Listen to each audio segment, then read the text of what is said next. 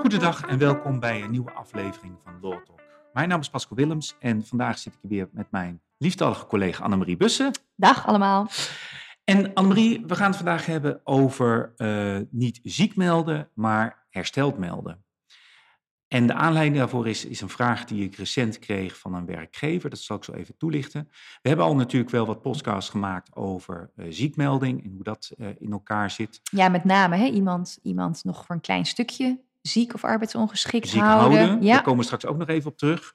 Uh, maar we gaan het nu over herstelmelden hebben. Kijk, in de meeste gevallen zijn werkgevers heel erg blij als de medewerker zegt, nou, ik ben hersteld, hier ben ik weer.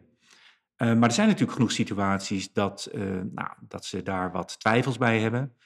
Um, grote twijfels bij hebben, vooral tegen het einde van de wachttijd. Ja, de, Loer, hè, de Lourdes uh, Lourdes of je mandenachtig herstel. Ja.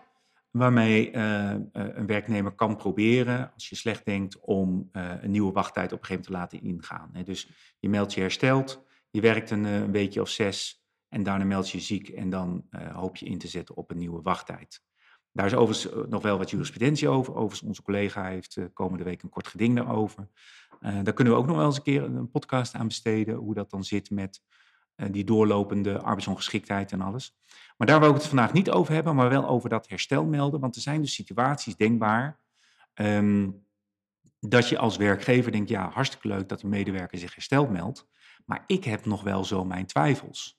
En daar zit met name, uh, we hadden net einde wacht, uh, wachttijd, dus einde twee jaar. Maar, maar je ziet ook nog wel eens als iemand inderdaad na een jaar op grond van bijvoorbeeld een CAO of arbeidsvoorwaardenregeling exact. naar uh, het twee, in het tweede ziektejaar minder loon bij ziekte gaat krijgen, naar 70% gaat bijvoorbeeld. Precies, en juist die situatie, daar werd ik laatst gebeld door een werkgever. Die was doorverwezen door, ik meen een, een bedrijfsarts of iemand bij een arbodienst. En die had die situatie inderdaad, want die betrokkenen was na het einde van het eerste jaar meldde die zich uh, hersteld. Um, daar en was, zat... die, was diegene ook al aan het reïntegreren of was het echt vanuit niks naar alles Er waren weer? al wat reïntegratie-inspanningen uh, uh, liepen er, zeg okay. maar. Maar het rommelde aan alle kanten. Er lag ook wel een soort conflict nog eens een keer onder. Dus er, er speelde wel heel veel. Uh, maar waar hier inderdaad de werkgever ook op aansloeg, die zei van hé, hey, dit vind ik wel heel plotseling. Uh, maar dat betekent wel dat de betrokkenen dan uh, anders naar 70% zou gaan en nu op 100% zit. En die vroeg zich af van ja, wat kan ik daar nou tegen doen? Want ja, diegene zegt hallo, hier ben ik weer. Die gaat aan de slag. En diegene is er ook wel. Die was ook wel alle dagen uh, aanwezig. Ja, dus het aantal afgesproken contractsuren, dat was, hè, de, de, de, Ja. die werden volgemaakt. Alleen de output, Ja. ja, dat uh, liet ten wense over. Hè? Het handelingstempo, uh, wat je ook vaker wel eens ziet. Um, en dus was de vraag, ja, kan ik hier wat tegen doen? Ik zei, nou ja, er zijn natuurlijk wel wat mogelijkheden. Um, en ook als we kijken naar de jurisprudentie, uh, zijn er wel wat mogelijkheden. En het belangrijkste is natuurlijk dat je als werkgever, als jij een herstelmelding accepteert, dan, dan je, sluit je eigenlijk, zou je kunnen zeggen, een soort overeenkomstje met de medewerker. De medewerker zegt, ik ben weer volledig in staat de bedongen arbeid te verrichten. Uh, zowel inhoud als tijdsduur. En dat je als werkgever zegt, ik geloof je oké en je gaat aan de slag. Ja. Als er geen reden is om te twijfelen, en dat is natuurlijk in verf uh, de meeste gevallen uh, zo, dan is dat natuurlijk prima. Maar op het moment dat je wel twijfelt, dat is eigenlijk hetzelfde als bij een ziekmelding. Waar je over twijfelt, ja. Bij een ziekmelding over twijfelt, kan je ook een herstelmelding natuurlijk in beraad nemen. En dat laten toetsen door de bedrijfsarts. Want per rekening is de bedrijfsarts die kan vaststellen of er nog beperkingen zijn ten aanzien van uh, de bedongen arbeid. Ja. En in situaties waarbij uh, de bedrijfsarts ook twijfelt, want die heb je natuurlijk ook soms van ja, weet je, iemand kan wel hersteld zijn, maar is dat duurzaam? In die situaties zou je medisch onderbouwd uh, de zogenaamde 1% ziekmelding, 5% ziekmelding, wat dan vaak wordt gedaan, maar in ieder geval iemand nog wel kunnen laten werken om de duurzaamheid van het herstel te testen, maar dat dan heel duidelijk te formuleren gedurende, nou, als je een termijn eraan wil plakken, zou ik zeggen, doe het nooit langer dan vier weken. Want als na vier weken de duurzaamheid is, wordt al redelijk snel aangenomen ja. dat dat wel is. Tenzij er een goede onderbouwing is om het langer te doen. Ja, want dat, dat zag je ook in een uitspraak die wij ook uh, al eerder behandeld hebben van het, uh, volgens mij het gerechtshof Arnhem-Leeuwarden uit 2021. Um, waarin dus een, uh, een werknemer die zei van nou, ik ben er weer, ik heb mijn, volgens mij waren het 38 uren, die werk ik weer, ik doe alles weer. Dus ehm, ik meld mij beter en ehm, ehm, ik ga weer verder. Daar had die werkgever wat bedenkingen. En die heeft toen die werknemer inderdaad op die 1% laten staan. Om te kijken of het inderdaad structureel was dat deze werknemer alles weer kon. Dat hield bij het Hof geen stand. want wat zei het Hof? Ja, wij zien helemaal geen medische onderbouwing voor hè, de twijfel die jij hebt, werkgever. Ehm, de conclusie werd vervolgens in allerlei artikeltjes uh, wel getrokken van, oh, dus je mag nooit 1% iemand arbeidsongeschikt houden. Nou, dat is te strak, dat is te streng, denk ik. Ehm, maar je moet dus een goede medische onderbouwing hebben. Plus wat jij aangeeft, die, die periode. Het moet echt voor een bepaalde periode zijn dat je zegt van nou, wij gaan nu kijken of het ook structureel, of het ook duurzaam is. En dan vind ik het inderdaad wel aardig als je bijvoorbeeld ziet op de site van FNV. Daar staat gewoon een formatbrief, een voorbeeldbrief voor werknemers. Bij wie van joh, houd jouw werkgever je 1% ziek, stuur dan deze brief, want hè, dat kan niet. Of neem contact met ons op, want dan helpen we je verder. Dus dat, dan zie je ook weer hoe er een beetje aan de haal wordt gegaan met zo'n uitspraak van een hof, terwijl het wel genuanceerder ligt. En het natuurlijk ook, vind ik, een terechte vraag kan zijn van een werkgever. Die, die, die twijfel kan zeker terecht zijn. En op de, de site van het FNV staat van houd je werkgever je herstelmelding tegen. En als een werkgever een terechte twijfel daarover heeft, ik denk dat bij het Hof het misging dat die werkgever dat eenzijdig heeft gedaan. Van ik hou je gewoon ja, administratief ziek. Kijk, we kennen natuurlijk alleen ziek of niet ziek, dus dat percentage. Ja, en volgens mij was de bedrijfsarts daar wel in meegegaan, alleen was er geen goede onderbouwing waarom. Daar ging het volgens mij erop mis. Ik denk dat als je als werkgever inderdaad twijfelt, dat je dan overlegt met de medewerker en ook met de bedrijfsarts en zegt, moet je luisteren, wij zien dit. Ik heb mijn twijfel. Uh, of als je kort na het herstel of het hervatting die twijfel hebt, dat je dan meteen benoemt. Ik zie dat je handelingstempo er nog niet is. We schakelen meteen met de bedrijfsarts. Ik denk ook echt dat je de bedrijfsarts moet hebben en niet een taak gedelegeren, met alle respect, want het zit hem echt in die, die laatste fase, die beoordeling. Die beoordeling En die, die luistert wel heel nauw. Dat je met z'n allen eigenlijk daar een afspraak over maakt. Oké, wat hebben we nodig om echt duurzaamheid te testen in de praktijk? En welke tijd is daar redelijk voor? Waarbij, nou ja, ik zeg van, uh, hou het maximaal vier weken. En ik had een tijdje geleden een, een situatie waarbij uh, ik denk dat het langer kan. Maar dan was het zo dat betrokkenen twee weken voor zijn vakantie oh, ging herstellen en wilde testen. Ging hij drie, vier weken met vakantie en daarna terug. Ja, dan heb je maar twee weken dat kunnen toetsen. Plus er ehm, zit natuurlijk een recuperatieperiode tussen waarin ook mensen hè, die, die misschien, nou ja, zeggen van nou, ik, ik, die twee weken hou ik wel vol, want ik weet dat ik daarna weer drie weken in mijn hangmat kan liggen. Nou, en dan lukt het me ook om nog een keer twee weekjes wel uh, het vol te houden. Dat is natuurlijk een vertekend beeld, geeft dat. Precies, dus ik denk dat je echt, als je goed onderbouwt van oké, dit zijn de ja, objectieve, redelijke twijfels die wij hebben. Wij willen dat graag in de praktijk testen, is ook in het belang van de medewerker uh, uiteraard. Um, wij willen dat in de praktijk testen. Er zit een vakantieperiode tussen dat je ofwel de keuze maakt, we starten die. Ik zou het denk ik gewoon na de vakantie dan starten. Uh, maar als er andere redenen zijn om eerder te starten, dat je dan zegt, ja, dan doen we twee weken en dan kijken we hoe het dan gaat. Dan heb je nog steeds de mogelijkheid, oké, nou, als die na de twee weken al bijna weer uitvalt, ja, heb je, heb je geen twijfel meer. Maar als na een lange vakantieperiode en je start op, ja, dan zou je kunnen zeggen, nou, misschien heb je dan drie of vier weken zelfs nog nodig. Maar dat met elkaar afstemmen en vooral die, die onderbouwing vanuit de bedrijfsarts, ja. is denk ik wel, uh, wel heel erg belangrijk. Nou, en het is ook wel wat jij, wat jij aangeeft. Hè? Heel vaak wordt er wel gedacht van ja, maar ik heb mijn arbeidsomvang, ik werk toch al mijn uren weer. Maar ja, je mag ook kijken naar, maar wat is dan die inhoud? Haal je ook de de normen, de kwaliteitseisen die eraan gesteld worden. En dat is wel, uh, vond ik, een aardige overweging van uh, de kantonrechter van de rechtbank Noord-Holland van begin juni van dit jaar. Dat ging niet om een herstelmelding, maar dat ging juist om een ziekmelding. Hier had de werknemer er belang bij dat uh, het opzegverbod bij ziekte voor hem van toepassing was, want er was uh, een ontslagaanvraag bij het UWV ingediend. Eigenlijk had deze werknemer gezegd op 21 september van joh, ik moet morgen een presentatie geven, maar ik zie het helemaal niet zitten, ik heb het nog helemaal niet klaar en noem maar op. En de dag daarna heeft de werkgever heel snel een ontslagaanvraag bij het UWV ingediend wegens bedrijfseconomische redenen. Om dus hmm. maar hè, ervoor te kunnen zorgen dat er geen opzegverbod van toepassing zou zijn. Nou, en dan wordt er vervolgens door deze kantonrechter, want het UWV wijst af, Eén, vanwege het feit dat er wordt gezegd, ja, maar deze werknemer was eigenlijk op dat moment al ziek. Dus die moest die bescherming al krijgen. En twee, je hebt je aanvraag niet eens goed onderbouwd. We zien de bedrijfseconomische noodzaak niet. En de kantonrechter gaat dat dan ook heel, uh, heel feitelijk bekijken. Maar die overweegt dan heel mooi van, ja, een ziekmelding, dat is niet hetzelfde, of dat hoeft niet hetzelfde te zijn als arbeidsongeschiktheid. Iemand die ziek is, is niet per se arbeidsongeschikt. Een werknemer is arbeidsongeschikt als hij of zij niet in staat is om zijn arbeid in de zin van bedongen arbeid, en dan zeggen ze qua arbeidsomvang en inhoud te verrichten. Dus het moment van ziekmelden zegt dus niet altijd iets over de aanvang van de arbeidsongeschiktheid van de ja, werknemer. Klopt. En dat komt natuurlijk ook dat in het burgerlijk wetboek staat ziekmelden überhaupt niet. Nee. Het gaat dan als je in de staat bent gekomen dat je als gevolg van ziekte of gebrek of zwangerschap niet in staat bent de bedongen arbeid te verrichten, dan gaat ja. het riedeltje lopen. 629. Ja. lopen. En we zien natuurlijk ook wel eens vaker, in dit geval ook de beoordeling achteraf, wanneer is nou op dat pijlmoment, kan je dat objectief vaststellen. Maar ik kan me ook nog een uitspraak herinneren, ik heb dat niet zo scherp wanneer dat was, waarbij de eh, rechtbank zelfs negen maanden terug dat legde, dat punt. En dat was zo'n zo'n situatie waarbij iemand een soort, ja, bijna een soort medische afzaksituatie had, al heel lang op zijn tenen liep, maar zich niet ziek meldde, maar eigenlijk al zoveel klachten had, dat die werkgever eigenlijk al kon zien, ja, Weet je, jij bent echt niet in staat je bedongen arbeid volledig te verrichten. En, um, nou, en, en dat zie je ook, want de kantonrechter die, die kijkt dan gewoon heel praktisch van hè, die presentatie die gegeven. Nou, dat is toch fijn dat Siri ons ook helpt. We kunnen een derde microfoon eraan zetten. Nee, maar je ziet dat de kantonrechter van, joh, hè, partijen, jullie zijn het er toch over eens dat het geven van die presentatie tot de bedongen arbeid hoorde? Ja. Werknemer had al aangegeven, ik kan het niet, ik heb het niet op tijd klaar, het lukt me niet. Ook was de werknemer twee weken daarvoor al naar de huisarts geweest. Dus dat wordt natuurlijk dan ook nog meegewogen. En dus zegt de rechter, ja, dus op het moment dat je zegt, joh, ik kan die presentatie niet geven, het lukt me niet. Hè?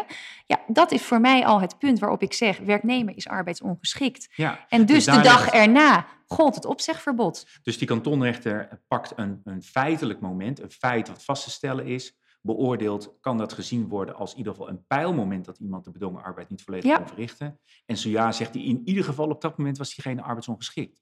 En terwijl we dit bespreken, denk ik, ja, waar, waar natuurlijk in de praktijk een beetje de problemen ontstaan, zijn mensen die langzamerhand afzakken. Door ouderdom, door een, een, gebrek of wat dan ook. Hè. Het niet ziek zijn, maar zo zijn.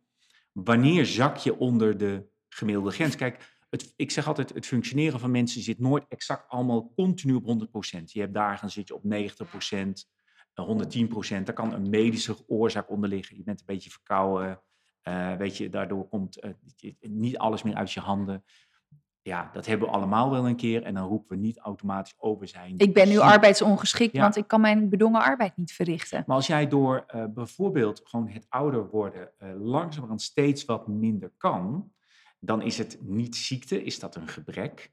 Eh, is, het dysfunctioneren? Wanneer komt er, precies, wanneer komt er wel iets medisch bij? Um, als werkgever moet je natuurlijk wel alert zijn om steeds te zeggen, oké, hoe is het functioneren? En wat zit er een oorzaak achter? En zit daar een ziekte- of gebrekoorzaak achter?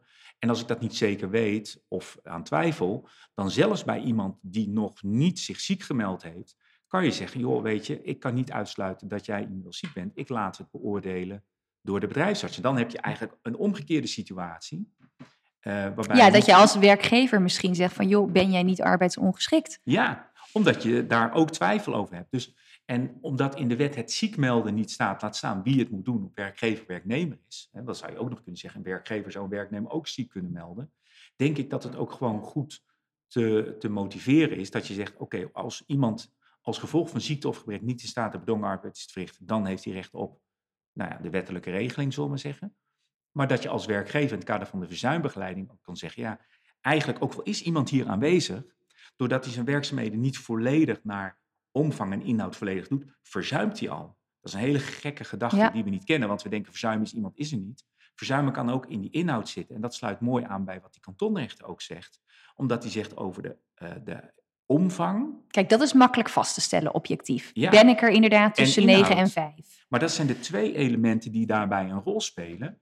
En als de omvang, als iemand niet volledig is, dan heb je al een duidelijk signaal. Maar als iemand qua inhoud er ook niet is, heb je denk ik daar ook een mooi aanknopingspunt. En in zoverre vind ik dit eigenlijk wel mooi opgeschreven door die kantonrechter. Het is, het is heel mooi opgeschreven, maar toch zet het misschien ook weer nou, deuren op een kier voor inderdaad een, een werknemer die ehm, hè, misschien ehm, ehm, niet efficiënt is, of die, hè, waarvan, waarvan je ziet dat iemand qua inhoud, hè, dat, het, dat de kwaliteit afneemt, dan zeg je misschien, nou wij zien dat als onvoldoende functioneren, we willen een verbetertraject aan. En dat zo'n werknemer dan op een gegeven moment het spoor kiest, nee, maar dat komt omdat ik, nou ja, bepaalde, ik ben eigenlijk arbeidsongeschikt. En dan krijg je weer zo'n hele lastige discussie van, ja, moet je dan een werknemer die dan, is die wel of niet arbeidsongeschikt, komt toch ook weer de beoordeling van de bedrijfsarts erbij. Maar dat, dat is toch dan op het moment uh, denk je niet, hè? Dan als je denkt iemand eh, functioneert niet goed, je gaat het gesprek aan, je vraagt die medewerker ook, goh, hoe denk je dat dat komt?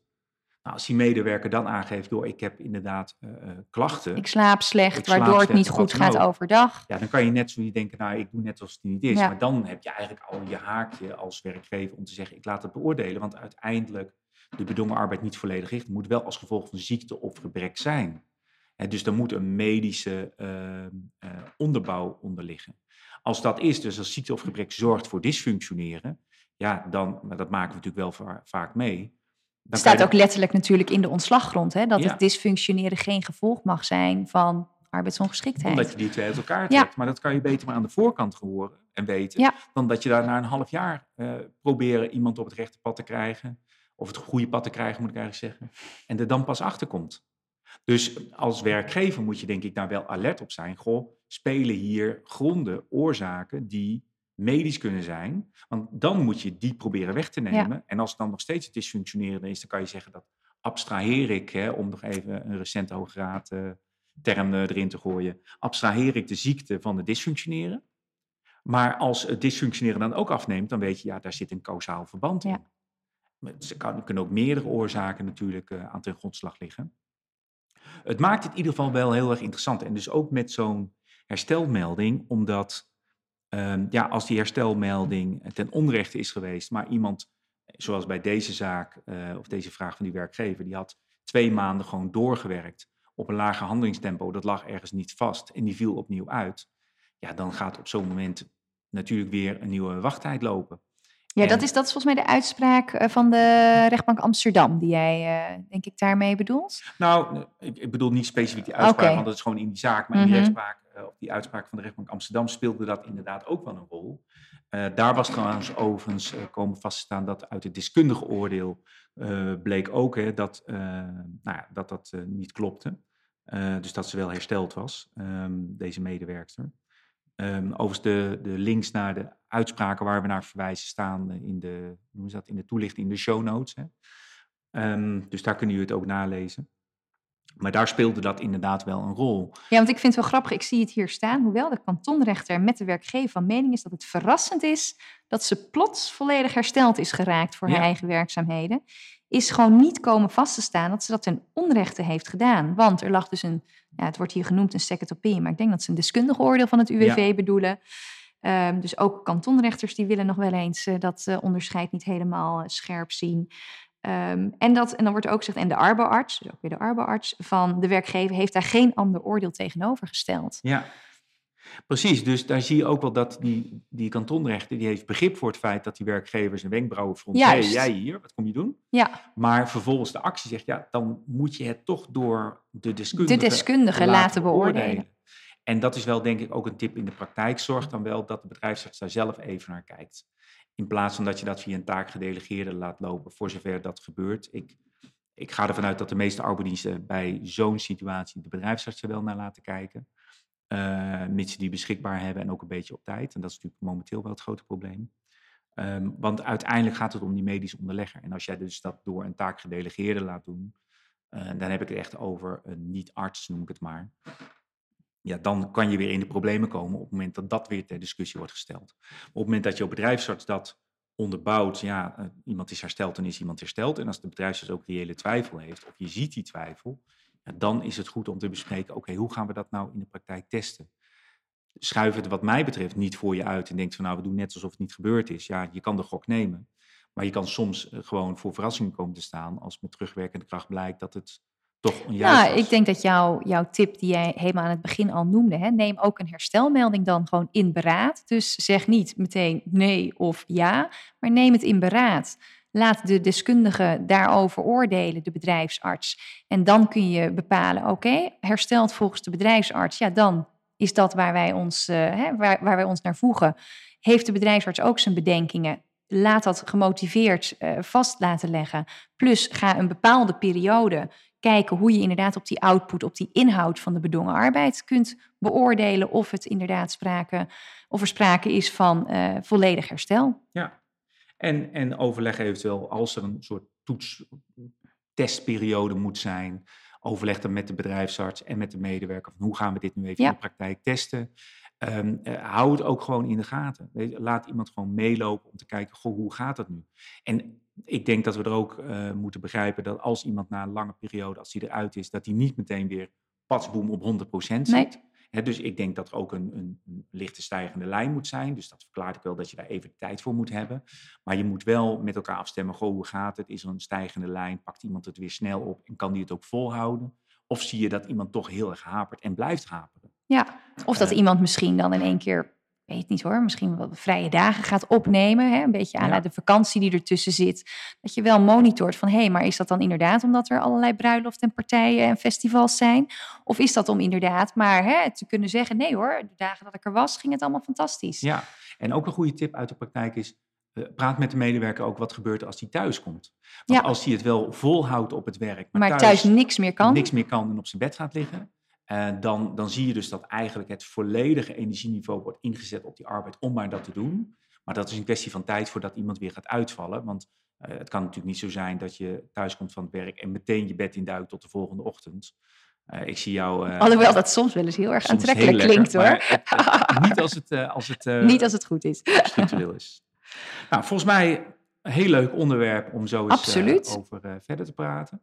Um, iedereen weer bedankt voor het luisteren. Uh, mochten jullie tips hebben voor uh, onderwerpen, dan houden wij ons uh, graag aanbevolen. En anders verzinnen we altijd wel zelf iets wat we in onze praktijk meemaken of wat we gewoon leuk vinden om over te praten.